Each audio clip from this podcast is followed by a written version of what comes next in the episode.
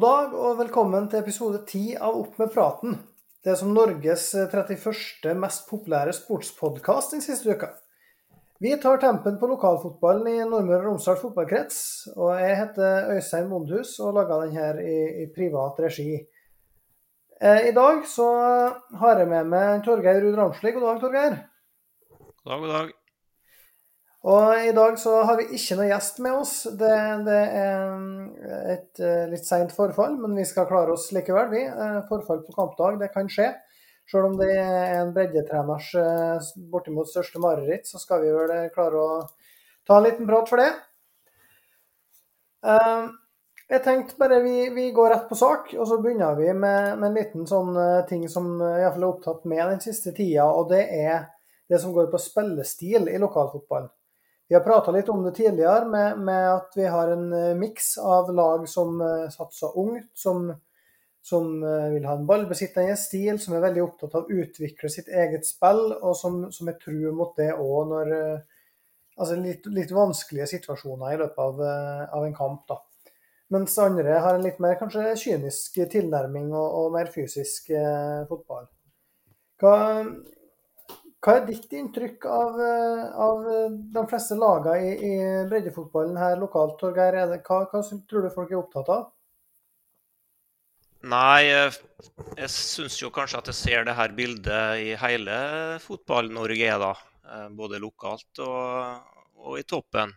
Det er jo en diskusjon hele veien, det. Og på alle, i alle fotballstudio Fotballekstra og sånn ser jeg. Og det har jo blitt en litt sånn ikke konflikt, men kanskje en skapt sånn konflikt mellom de eh, ja, litt eldre, kyniske eh, trenerne og så her unge, nye. Uh, ser jo kanskje det veldig tydelig, sånn som, som i Obos-ligaen. Der du har en par lag som ligger i toppen med litt gamle, kyniske, resultatorienterte trenere. Og så har du seg nye, sånn som Kjelmeland i start. Uh, Grorud har jo hatt en sånn stil. Åsane går jo litt opp og ned. Eh, noen hevder jo at de er veldig utviklingsorientert, og noen er veldig resultatorientert. og så er jo litt sånn at jeg syns det her henger veldig sammen. da, for Har du dårlig resultat, så får du ikke lov å drive utvikling. og eh, Har du god utvikling, så kommer jo resultatene deretter. sånn at eh, Det henger jo sammen, alt det her. og ser det jo lokalt òg at laget har blitt veldig unge. Det blir jo mer og mer kunstgresslag og, og kunstgressbaner rundt omkring som skape en litt annen uh, fotball. Uh, du ser jo ikke så mye sånn innlegg og langballfotball og sånn lenger. Uh, ikke så mange lag som spiller sånn lenger, syns jeg. Og en del lag som liksom skal dyrke det her med, med, å spille ut bakfra. Og keeperrollen har gjort det sentral i alt det her. Den er jo veldig utvikla de siste ti åra. At du skal keepere som er gode med beina og sånn. og det er veldig krevende da, å, spille sånn. Eh, da må jo alle spillerne være med på det, og alle må beherske det, eller de må utvikle det. Eh, og så tror jeg at eh, til tidligere du begynner, da, og til kanskje yngre spillere du har, til lettere er det jo å få til noe sånt, sånn som i f.eks. Åndalsnes. Som er òg mer ekstrem hjemme, og syns kanskje de var enda mer ekstrem med den forrige treneren enn jeg har sett dem nå. Det skal jo veldig lite til for at det blir skummelt. da. Eh, ser et sånt lag som Start, f.eks., som gikk det veldig bra med dem i går, for da lyktes de med alt. Men de har jo eh, altså det er jo én At én trebok bak i forsvaret gjør noe, eller keeperen gjør noe, så er det jo mål imot. Sånn at det er veldig sånn risikofylt, da. Eh, men, men, det er jo en artig måte å spille på. Ser jo for meg det. Altså, du har ballen mye og, og kan utvikle ferdigheter og sånn. så ja, Spørs litt hva du har fokus på. Om det, om det, er først og fremst resultat og rykke opp og alt sånt, eller om du har langsiktig perspektiv. da, Men ja, det her med å, si at vi bare fokuserer på utvikling og ikke resultat og sånn, det, det går ei eh, stund, men ikke så, så, veldig lenge. For eh, du får ikke lov hvis du ikke får resultat. Så ja, nei, men det er et klart sånn bilde i hele Fotball-Norge, det syns jeg. Ja, litt artig at uh, man, man, skyter inn det, en liten digresjon, at du nevner Grorud her. At uh, han som har tatt over Grorud nå etter at Kjønø gikk til Stabæk, uh, Johan Gjønnes Nilsen, Han ansatte faktisk jeg som junior jentetrener i Korsvoll i fotball da han kom flyttende fra Sørlandet i ja, 2012, kanskje, eller noe sånt. Så, så han var, det første trenerjobben hans var det faktisk jeg som ga han. Så litt, jeg har litt kontakt med han nå etter han har blitt eh, eh, fått, fått, den jobben jeg har hatt. Så det er litt, litt stas. Veldig fin fyr. Um, og så tenkte jeg på at uh, den her du, nevnte det forrige gang, at Malmefjorden, som vi i tidlige podkaster omtalte som et litt sånn fysisk uh, lag, og fikk litt uh, litt påpakning fra Lars Joar Inderberg for det, og det er fortjent. Um, da var du veldig obs på det at det å spille kynisk og spille, kall det direkte, da, uh, det er ikke på noen måte ensbetydende med at det er dårlig fotball. Er det en, en eh, kjepphest for din del? Eh, Lite grann. Eh, jeg liker mange forskjellige stiler her, men jeg syns du må være litt, litt pragmatisk se hvilke styrker du har i ditt eget lag, og hva som skal til for å vinne. Eh, har jo hatt litt forskjellige spillertyper og forskjellige lag, jeg òg, både som spiller og trener. og klart Hvis du har duellsterke fysiske spillere bak som kanskje ikke er så gode med ballen, så er det nesten selvmord da å spille på den måten. Samtidig så har du kanskje veldig raske folk foran, sånn som Sunndalen har vært kjent for. Og at da de skal vente på ballen liksom i ja, nesten flere minutter før den kommer fram til dem, det, det ser jeg på som lite ja, hva skal jeg si, formålsnyttig. da, sånn at Det handler jo litt om å utvikle styrker i ditt eget lag. og så spørs det jo litt hvordan det laget er sammensatt. da, eh, Om det er ungt, om det er gammelt eller hva det er. For jeg tror at sånn ferdigheter og sånn, det greier du ikke å utvikle så galt med spillere som er ja, la oss si en, eh, fra en par og tjue oppover. da. Da er det veldig begrensa hva du greier å utvikle. Hvis du skal gjøre om en veldig ja, si, lite teknisk uh, spiller til, til, å bli veldig god, så må du begynne tidlig. Det, det, det gjør du ikke med en 24-25-åring. og det, det syns jeg at du ser eksempel på i de lagene vi har nevnt nå. Da, at uh, de skal liksom uh, på død og liv tvinge gjennom en viss stil, og så går det galt gang etter gang etter gang. Og så er det veldig sånn euforisk og, og sånn når det går bra. Eh, og så uka etterpå eller noe sånt, så, så er det tilbake til det, til det vante igjen. Så ja, det er vanskelig det der. Eh, og så er vi veldig sånn trendprega i Norge, syns jeg. Det er mange som skal kopiere det som lykkes. Sånn har det alltid vært. Eh, det har mange som prøvd å kopiere Rosenborg nå i, i 20 år. Nå er det liksom Bodø-Glimt som skal kopieres. Og du er litt Hva skal jeg si Du er litt prisgitt de spillerne du har, da. Så jeg liker jo en mer sånn pragmatisk eh, tilnærming, at jeg prøver å utnytte de styrkene som er i, i det laget en har. Mm. Har, du, har, du, inntrykk av at denne måten å tenke på, så har det endra seg i lokalfotball? Det, det med å altså, Si de siste 20 åra, har det endra seg hvordan trenere og hvordan lag spiller? Ja, det syns jeg. Eh, det er jo litt sånn tilbake til det jeg sa i stad. Med kunstgress og, og, veldig unge lag, så blir det litt annerledes måte å spille på. Eh, du har ikke så her gamle hva skal jeg si, profilene og veldig sånne synlige typer som på en måte styrte lagene sjøl på banen da, på mange måter. Sjøl om du hadde gode trenere og, og, og hva skal jeg si, sterke trenere og sånn før. Og så var lagene kanskje mer sånn spillerstyrt da før. Had, de fleste lagene hadde jo en 3-4 med litt erfaring fra høyere nivå og sånn, som kanskje kom ned og, og satt preg på det. Uh, nå føler jeg vel kanskje at det er mer en sånn det er en jevn masse med unge, ja, til dels gode spillere, som på en måte trenerne styrer mer i hvordan de skal spille. da. Så jeg syns nå den utviklinga er ganske tydelig da, eh, i mange lag. Eh. Og så er det jo noen som fortsatt ja, kanskje spiller litt klassisk breddefotball. Det har jo noen eh, sånne lag òg. Ja, ikke sant. Tenker du at, at, det at det kanskje var mer spillerstyrt ute på banen før, altså har det, har det påvirka altså snittspillerforståelsen til spillerne som spiller nå? Og da er det, et inntrykk eh, Det har jeg iallfall fått tips om det eh, som et mulig samtaletema. At eh, folk kanskje så mer fotballkamper, eller altså mindre YouTube, mer fotballkamper, og har bedre fotballforståelse jevnt over? Ja, altså Én ting er å se mye fotball, det, det kan, jo, kan, jo, være nyttig. Men å spille mye fotball er jo det som er mest nyttig. og ser jo på Sunndalen når jeg er rundt omkring her. Det er jo veldig lite aktivitet. Uh, og jeg tror jo den der skjulte læringa du får med å spille mye fotball på Løkka med, med kompiser, med å ja, dele opp lag uh, Hvordan skal vi spille, hvordan skal vi gjøre det nå? Og så ta litt ansvar for det sjøl. Det tror jeg utvikler veldig god fotballforståelse. Om du spiller tre mot tre eller sju mot sju, eller hva det gjør, så får du får du utvikla mye fotballintelligens og du får litt taktiske egenskaper, sånn så du blir nødt til å lære det sjøl. Nå er det veldig mye møte opp på trening en to-tre ganger i uka, så skal noen fortelle deg hva du gjør. og eh, Jeg vil ikke være stygg, da, men når jeg ser Jeg var jo på Hydrocup i helga.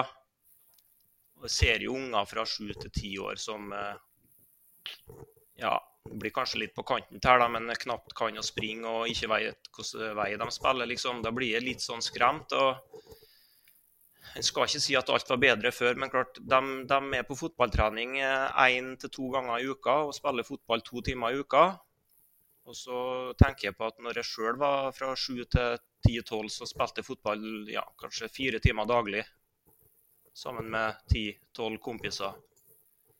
Så du må holde på mer, altså. Eh, det, det holder ikke å komme på trening og, og få fortalt hva du skal gjøre en time eller to i uka. Det, det er for lite hvis du skal bli god. Da mener jeg ja, opp mot toppnivå i Norge, da. Eller litt høyere opp i divisjonene. Så ja, og det, det, er jo et interessant poeng nå når vi har et, et flaggskip i, i, KBK relativt lokalt her. Um, så er det jo de er jo veldig opptatt av å skape gode fotballspillere fra Nordmøre og, og rekruttere bredt fra, fra Nordmøre. Og, og, spesielt eh, kanskje i år så har de òg eh, hatt veldig gode resultat lokalt, altså med, med de aldersbestemte lagene sine og på nasjonalt nivå. Um, hva er, er, på en måte nøkkelen for breddeklubbene i kretsen vår, tror du, til å utvikle spillere som er gode nok til først og En ting er å gå til KBK, men deretter å lykkes der? Ja, nei, Hvis du tenker på breddeklubbene sånn på seniornivå, da, så tror jeg jo nivået er for lavt. Og at sprang, spranget blir for stort. Eh, har jo hatt noen unge spillere jeg opp igjennom som har spurt meg litt om råd og sånn. og jeg anbefaler dem jo å gå tidlig da, til, til toppklubbene hvis de får tilbudet og hvis de får sjansen. Eh, men da må det være for at de klubbene ønsker dem. Eh, om det vi tenker Molde, Kristiansund, Ålesund eller hva det måtte være. Så det er jo en del spillere og fra Sunndalen som kanskje ikke er ønska av KBK, men som flytter til Kristiansund på eget initiativ og begynner der på ja, gutte 14 eller noe sånt. da. Da tror jeg veien er lang. Eh, jeg tror kanskje litt mer tålmodighet. Kanskje hvis du blir en 16-17 år og de da begynner å fatte interesse, da tror jeg kanskje tida er inne. Og kanskje komme seg inn i et godt juniormiljø eller gutte 16 eller noe sånt. Eh, så jeg anbefaler dem egentlig å gå tidlig og så prøve hvis de får sjansen. Eh, for jeg tror ikke du får sjansen som en 2-3-24-åring. Da tror jeg KBK sånn satser heller på dem de har. Og Det syns jeg vi ser at eh, det kommer opp spillere der nå som er 16-17 og til og med 15 år, som får proffkontrakter i KBK, og som er litt på benken på, på A-laget. Ådne Gikling eh, Bruseth, du har hatt Max Williamsen, du har hatt andre. Eh, så å komme seg inn tidlig der, tror jeg det, det, det er godt. For da får de trent sikkert to ganger daglig, både styrketrening og sikkert litt mental trening og alt det her komme seg inn i et sånt miljø, det, det tror jeg er viktig for å, å holde på her en, en to-tre ganger i uka. Sånn, det er ikke nok da som ja, 15-16-17-åring. Da vil du stagnere, tror jeg. Mm. Og hva, hva, tror du er viktigst for altså, Hvis du tenker direkte råd til en spiller, altså, er, det, er, det, det å holde på, rett og slett, eller er det andre ting i tillegg en kan, kan gjøre for å bli god? Nei, jeg kan jo snakke litt fra min egen eh, erfaring, da, og det er jo at talentet er jo ikke nok. Um, hvis jeg skal være litt ubeskjeden, så tror jeg at jeg hadde nok talent til å ha en bedre karriere i Molde enn jeg fikk. Men uh, når motgangen kommer uh, Du sitter litt på benken, kanskje ikke i tropper. Kanskje du en får en trener som ikke uh, har sansen for det som spiller. da, så, så, må du tåle liksom å ta den motgangen og jobbe hardere. Trene mye på egen hånd. Eh, få orden på det fysiske, få orden på det mentale. Eh, så, du, så, tror jeg jo sjansen kommer til slutt, og at de som får sjansen, er jo de som jobber hardest, ikke nødvendigvis de med største talentet. Eh, så det, det er noe som heter treningstalent eller holdningstalent, eller kall det hva du vil. og det, jeg tror det er viktigere enn det her rent fotballtalentet. Da, for det, det er det så mange som har. At det er det lille ekstra som skiller, og det, det kommer innenfra, tror jeg. Og det er ikke noen som kan lære det, eller eh, noe sånt. Det må du bestemme deg for sjøl. Uh, eh, og det hadde i hvert fall ikke jeg når jeg var 18-19-20 år. Da ble det mye annet enn, enn å trene. Uh, som tok oppmerksomhet. Litt sånn up and coming stjerne i en uh, klubb i, i, god klubb i Norge. mange som på en måte det gikk samme veien med. Veldig store fotballtalent i samme situasjon som meg, som ikke ble noen gode spillere for at vi hadde litt feil fokus. Og Det eh, tror jeg toppklubbene er mer obs på nå. Eh, både skolegang, mat og drikke, søvn, eh, festliv, alt det her. Eh, sånn at det er bedre apparat eh, rundt omkring nå. Så, men det må komme innenfra, tror jeg. Det, det er det viktigste.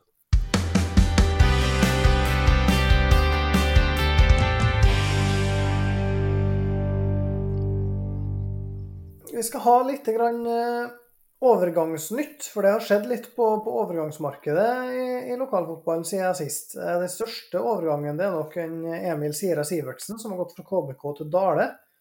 Han debuterte like godt med skåring da Dale slo Smøla nå på tirsdag. Det var en kamp som opprinnelig ble utsatt pga. ferjetrøbbel. Eh, Surndalen, som jeg kjenner best, har signert en ny angriper som heter Mathias Heggernes. Eh, kommer fra Bergen nord. Flaska opp i Åsane og spiller fjerdedivisjon både for eh, Bergen Nord og Flaktveit. Nå har han begynt som elev ved Nordmøre folkehøgskole, så det er derfor han har kommet, kommet til bygda. og Han eh, fikk de siste ti minutter som innbytter eh, bort mot Vestnes Varfjell nå sist. Så det, det er en spennende signering der. Det som så vidt Han kom inn på venstrekanten mot Vestnes, men kan så vidt jeg har hørt bekle alle posisjoner i angrepet. Så det, det blir spennende å se på Mathias Heggernes der. KFK henta to, to, nye, en eh, Tivian Kudar fra Frøya og Fais Paulos Tesfaldet fra Romsås, som begge debuterte i ja, det var 06 mot Misund, men kom inn på 04 og, og heva etter rapportene eh, Eller etter rapporten fra Svein Erik Gregersen, kan jeg vel si. Eh, heva, heva laget der. Og så er det Jeg har jo nevnt den før. Jeg syns det er veldig spennende. Erlend Blø, Misund tilbake i Misund etter en runde i Brattvåg. Skåra 2-0-målet i comebacket mot KFK, og han skåra så 13 mål på 21 kamper i fjerdedivisjon i 2019. Da, som, da, var han fortsatt G16-spiller. Og da skåra han 35 i G16-serien samtidig. Så, så der eh, har Misund fått seg en Vi spurte jo Jarnt Erik Brakstad om hvem som skårer måla. Nå, nå, har de jo fått en, et, et, våpen der da, som gjør kanskje at de kan, kan trekke en av de spissene som tidligere har spilt midtbane, tilbake igjen. Så det, det er spennende. Um, så må vi nesten nevne at Tor Arne Rolland, Tingvoll-legenden, han har signert for Namsos, Nord-Trøndelag. Og han debuterte like så godt for A-laget deres i fjerdedivisjon om i 5-5-kampen mot Sverresborg nå i helga. Så er det en, en, eh, siste overgang som jeg tenkte ville, som jeg bet meg merke i, og som har direkte konsekvens for meg i, i fjerdedivisjon. Og det er at Espen Ladegård Jacobsen har gått til Eide omegn. Han skåra 9 på 15 i fjerdedivisjon for Dale før pandemien slo inn, og har skåra mål både for CFK, KBK2, AK og KFK og alt mulig. Um, for min egen del så, så kjenner jeg best, aller best til Jeg har møtt ham noen ganger opp igjennom uh, som spiller, men, uh, eller ikke jeg som spiller, men han som spiller. Da frilanser jeg for, for, Driva i 2013 og ansvaret for å dekke alt av fotball både for Surndalen og Sunndalen. Og det året så skåra han fire da KBK2 slo Surndalen 5-3 på Syltørene. Så nå Eide vant sist, men har kommet litt skjevt ut i, i, sesongen her. Torgeir. Hva, hva, tror du Espen Jacobsen kan tilføre dem? Eh, jo, han har vært en liten luring, han er opp igjennom. Eh, er jo en eh, ja, liten hissigpropp. Eh, litt fysisk veik, men en fin venstrefot og litt eh, stødig på labben når han får sjansen. Så ja, kanskje han litt rundt en Søbstad. da, En stor og sterk, eh, ikke så rask Søbstad lenger, som er god til å holde på ballen. og Kanskje kan stikke gjennom han litt. Så hvis han er på det nivået han har vært på før, han Espen, så kan han sikkert skåre noen goller, han, for Eide. Så ikke bort fra det. Nei, det er klart at Jeg ser jo for meg at, at sånn som Eide har sagt, at de, de uh, ofte vil spille i år. Da, at de vil legge seg dypt og, og prøve å kontre litt. De har en, en uh, rask kantspiller en junior, og så har de i tillegg, hvis de får inn en Espen Jacobsen her, nå, så har de jo plutselig en kontringsstyrke som, de, uh, som, kan gjøre dem godt, i så fall, ser jeg for meg.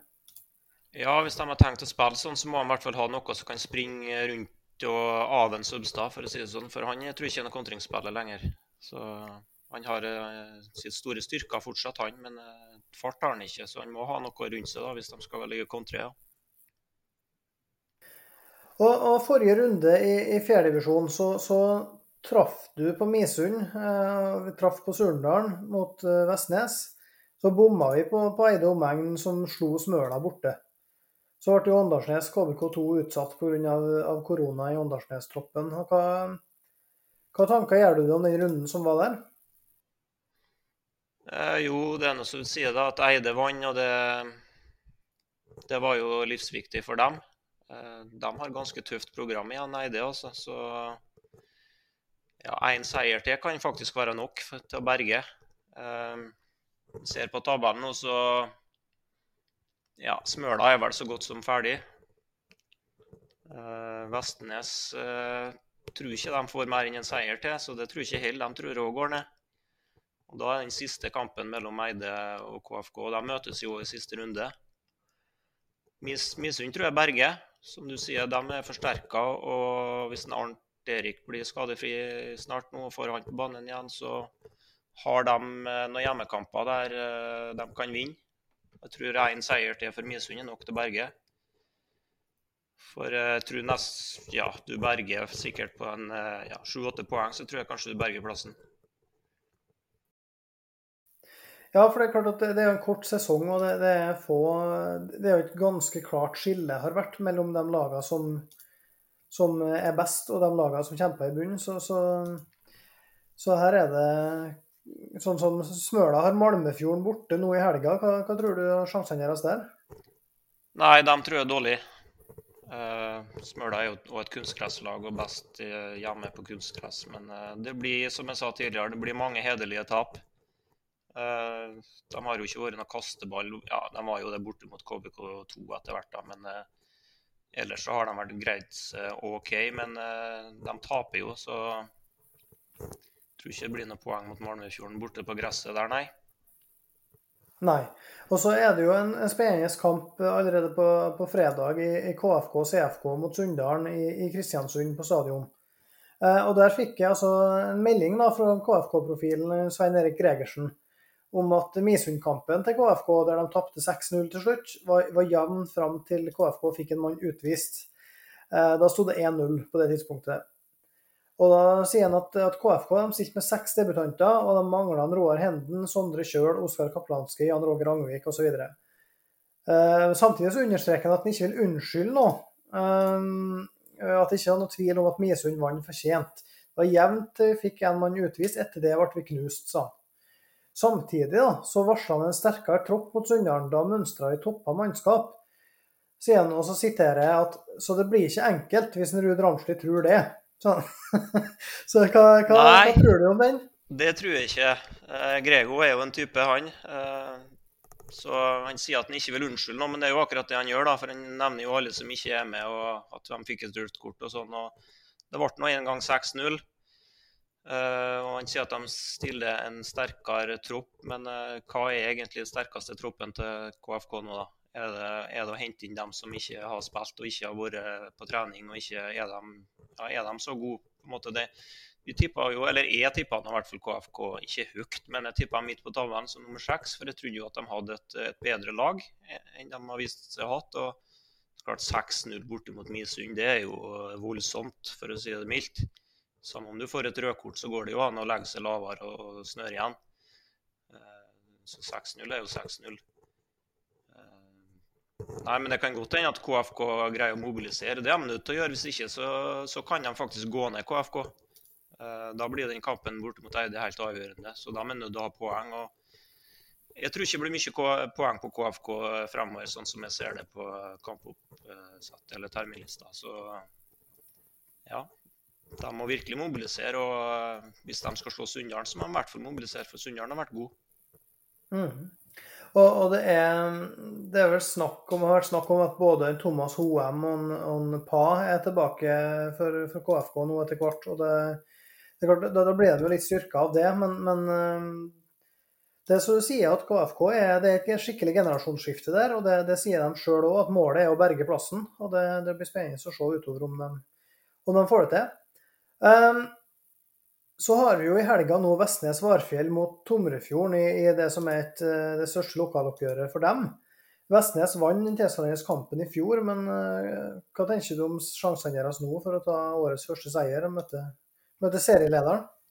Ja, nei, det sies jo sjøl at det blir jo tøft, da. Uh, Tomrefjord har jo bare seire. Uh, så ut ifra det Vestnes har vist, så Nei, jeg kan ikke Altså, det er jo et lokaldarby, og alt kan skje og sånn, men uh, det er jo litt viska ut, det her med derbyer og sånn, og det er ikke så mye temperatur lenger, og de greier ikke mobilisere så galt, og det blir kvaliteten på lagene som avgjør uh, til slutt allikevel. Og ja, Vestnes har vel fått en Kanishi tilbake, og kanskje andre, og Taklo skårer mye mål, de slipper inn lite. Ja, Tomrefjorden kan... Kanishi tilbake. Ikke ja. Vestnes. Nei, Tomrefjord, ja. ja. og Jeg mm. ser ikke for meg på en måte at de skal slippe inn veldig med mål nå borte mot uh, Vestnes, og skårer sikkert en par sjøl. Ja, jeg tror de vinner den ganske greit, da. Mm. Ja, jeg, jeg, sier meg enig i det. Og det, det er klart at uh, Vestnes har ikke fått noe voldsomt med skryt med oss her i podkasten, og det, det, må vi nå bare beklage, da. Men, men det er nå en gang sånn at uh, at uh, vi sier det vi, vi tror. Og da, da, Velkommen til å motbevise oss. Det er bare, bare trivelig. Ja, vi har, det... ikke, vi har ikke bomma på det ennå. De har jo to poeng bare. Og sluppet inn ja, elleve mål, eller hva det er. Så ja, har sluppet inn ti mål hjemme, da. Ja. Mm. Ja, fem av, fem av, dem var mot Surndalen nå sist. Altså, det, der så en jo kanskje litt av det Surndalslaget som en uh, hadde trodd eh, at han eh, skulle få se. Uh, og, og, der er det um, Sander Smevold blant. Jeg skåra tre. Uh, er oppe i fem. Uh, melder seg på i toppskårerkampen. Og Misund på Syltørene nå, nå, i helga, og det, de vant 6-0, som vi har vært inne på. I 2019 så vant Misund på Syltørene og Surndalen i Misund. Og det, um, men, men, det var etter coaching i verdensklasse av meg, selvsagt. Ja, selvfølgelig. den, den, kampen. For nå skal jeg, skal jeg, på øving til Coldplay-konsert mens det er kamp, så da, da, da får Vebjørn Holten klare seg alene den, den, gangen her. Eh, hva, hva, tenker du om den kampen? Nei, eh, det så ut som Surnadal kom seg litt på sporet igjen, da. Um, så tror jeg de får, de får litt åpnere spill, Surndalen mot Misund, enn de får mot Tomrefjord. Eh, tradisjonelt så er ikke Misund et lag som ligger veldig bakpå og, og, og murer igjen. Altså. Det, de har ikke ja, de har ikke tradisjon for å spille sånn fotball, og har heller ikke de typene til å spille sånn fotball. Misund. De liker å angripe sjøl, og de liker litt kamper som bølger att og fram. og sånn, og Det tror jeg kommer til å passe Surndalen eh, bra. sånn at eh, ja, De er jo litt forsterka Misund òg, kanskje, med, og kan kontre litt med en Blø. og Kanskje de får en Sjøvik ned på midten igjen, og kanskje Arnt tilbake. Men eh, nei, sånn i utgangspunktet så er det jo en eh, klar eh, hjemmefavoritt i den kampen. Det blir jo veldig overraska hvis Surnadal ikke vinner den.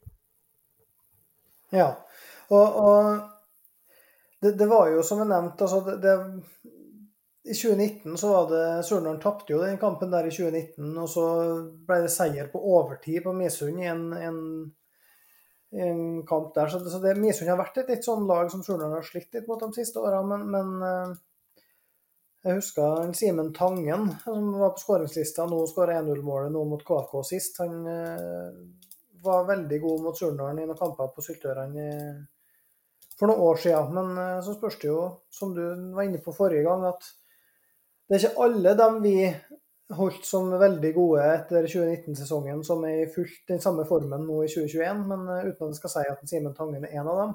Han skåra jo forrige helg, men, men, vi har jo sett eksempel på det. så, så vi må jo bare ta forbehold om at vår eh, kunnskap om enkelte lag her eh, kan være en anelse utdatert. Ehm, så har vi jo en, en, kamp som vi så veldig fram til forrige helg, som var Åndalsnes KBK2, som, som røk pga. koronasmitte i Åndalsnes-troppen. Nå er det Eide Åndalsnes. Er det Hvem vinner den? Nei, det tror jeg Åndalsnes gjør. Det ser ut som eh så her bortekampene passer Åndalsnes-laget litt. Selv om vi tippa uavgjort på Dale Åndalsnes, så sa vi jo vel det at det var et kampbilde som kan passe det laget litt. Og det ser ut som at det passer ganske mange lag å ligge litt nedpå og få kontre. Eh, lokke motstanderne ut litt. Det er jo ikke så mange lag som er veldig gode til å spille ut lag som ligger dypt. Eh, da må det litt ekstra til. Det er lettere å få, å få mye rom og angripe med fart og sånn. og Det, det passer Åndalsnes òg. Så jeg, jeg, tror de får det kampbildet mot Eide òg, altså.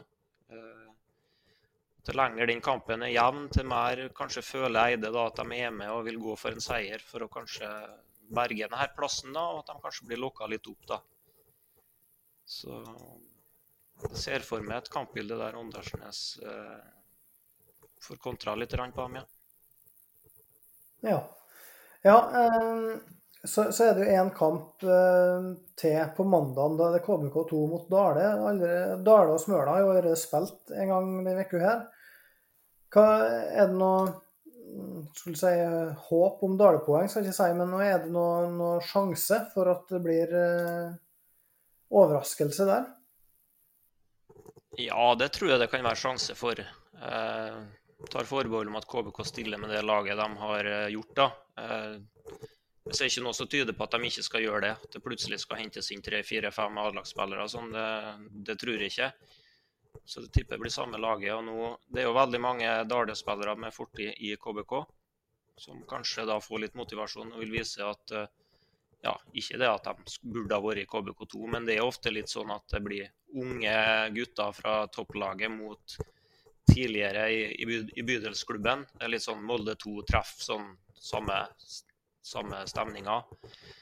Da blir det ofte litt mer fight. Så jeg ser nå for meg et motivert og tent uh, Dale-lag. der da, Det er jo en par eldre Dale-spillere der som ikke har tenkt å bli herja med av 16-åringer. Håper jeg, da. Uh, så jeg kan se for meg at den blir jevn, ja. Det, det tror jeg at den kan bli. Ja, det er klart at jeg nevner jo akkurat det her med, med tidligere KBK-spillere mot, mot, KBK her. og Vi var inne på Emil Sivertsen som har gått dit, og som er rykende fersk egentlig fra å ha, ha vært solid, et solid talent i KBK i, i, flere år. og det er klart I fjerdedivisjon eh, på Dale, som skaper en del sjanser, vil jeg tro, utover her nå, så, så kan jo han bli en skikkelig profil. Ja, det kan han bli, uten at jeg kjenner han så veldig godt. Han er nå sikkert en uh, miniutgave av broren, eller en, uh, noe à la samme, uh, ser jeg for meg, som spillertype. Uh, og har vel en del erfaring fra KBK2 da, i, i tredje, sikkert. Så ja. Så mange andre av de spillerne der har, da. Så jeg regner med at de har lyst til å vise fram litt. Dårlige spillere.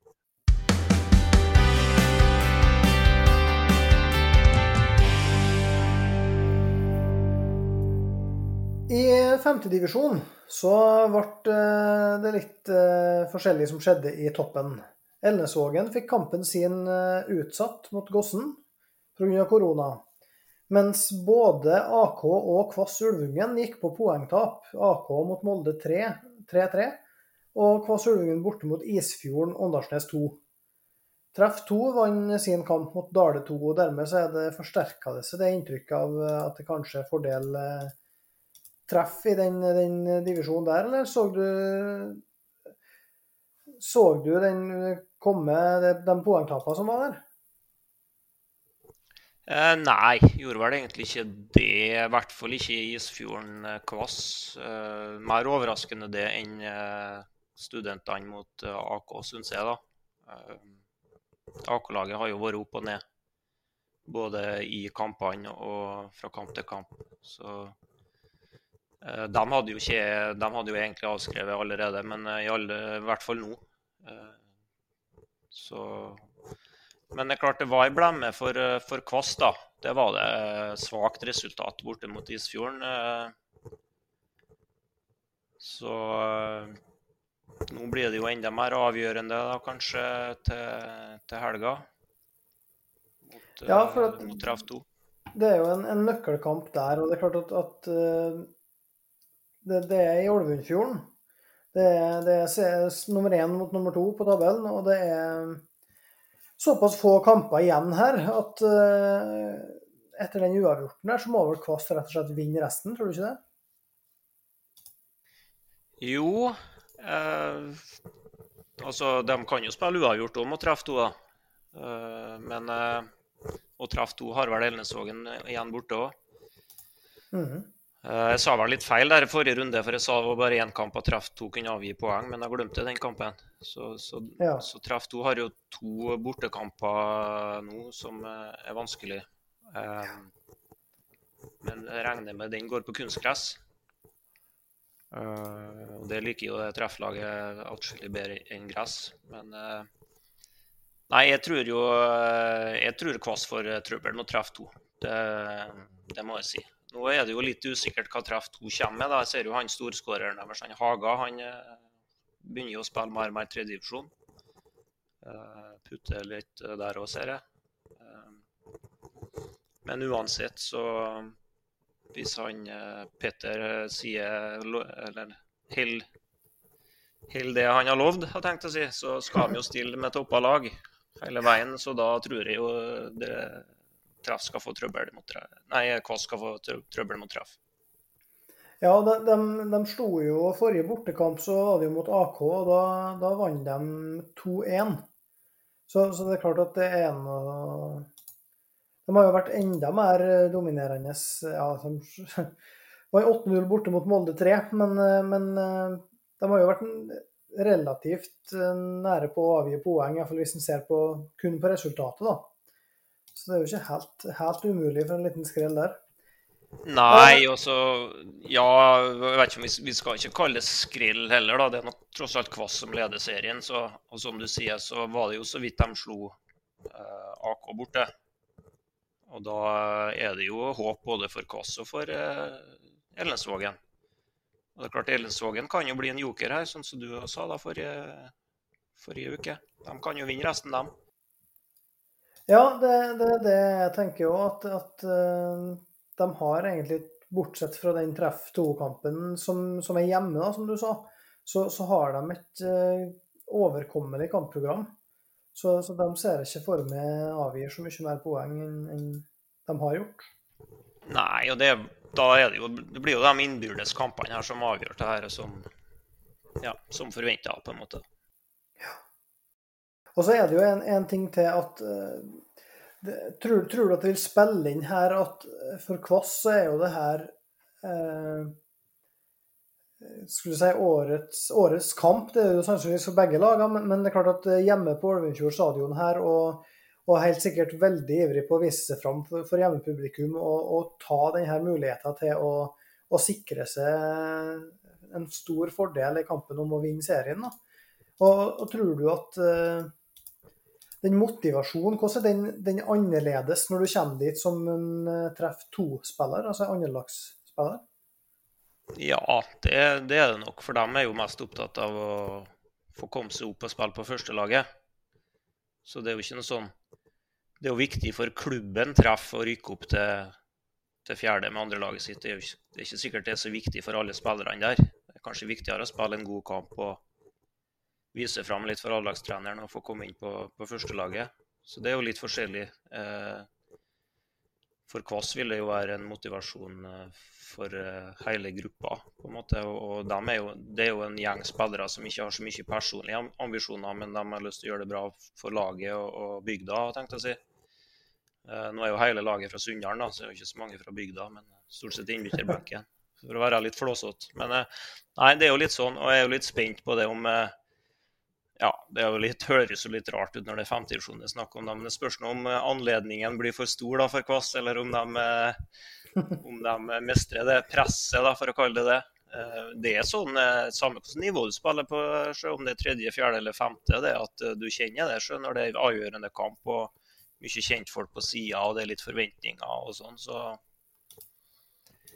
De hadde nok ikke sett for seg den isfjorden. da, det, det var en liten smil. Så nå er de nok litt usikre igjen på, hvor de står. Ja, akkurat det er jo litt sånn Jeg ser jo for meg at helt fra Petter Sjåholm var, var, gjest her i podkasten og, og, svarte veldig klart og tydelig ja på at uh, Treff 2 har, har, planer om å skal rykke opp i år, så, så har jo, har jo Kvass sannsynligvis blinka seg ut den kampen her siden den gangen. Og, og vært veldig klar over at uh, den her må Iallfall nå etter smellen sist, sannsynligvis vinnes, da, uten, hvis du skal klare det uten hjelp. For at Du var inne på det sist, og de har en, en tøff kamp borte mot AK siste runde òg, så, så, så, Hvordan tror du de lagene der, eller spesielt Kåss, angriper den, den, kampen mot treff? Hvordan blir kampbildet? Nei, jeg tror nok at de vil legge seg litt eh, nedpå. Uh, sånn som jeg kjenner det Kvass-laget uh, og spillertypene der, en del unge gutter, spesielt bakover i banen, så tror jeg ikke de tør å gå så veldig høyt på treff. da. Uh, jeg kjenner dem som litt sånn defensive i hodet. Så jeg tror at de vil legge seg litt lavt og føle litt på på en måte se an litt hvor god treff er. Eh, samtidig så tror jeg at det er lurt, da, eh, hvis de velger den veien. Eh, for de treff er jo avhengig av å ha bakrom og få kontre med, med hurtighet på topp. Det er da de er best. Så de er nødt til å få treff litt fram i banen. og så spørs det hvor aggressive de greier, greier, å være, da, om de greier å komme seg inn i treffspillerne. Det har de jo slitt litt med. Så mm, Det blir spennende å se. For å se egentlig hvor god hva som egentlig har blitt. da. For nå møter de jo Ja, jeg så dem jo mot Elnesvågen. Eh, vant jo riktignok da, men, men, var heldig, som jeg sier. Så får se om de, eh, om de matcher treff. Da, da blir jeg litt imponert, hvis de, hvis de matcher treff spillemessig. Jeg så, tenker ikke så galt på resultatet, men eh, ja, som lag, da. Skal du, skal du se den kampen? Det blir nok til det, ja. Regna med det. ja, så, så, søndag klokka tre så, så får altså folk eh, se hvordan det, det kommer til å gå.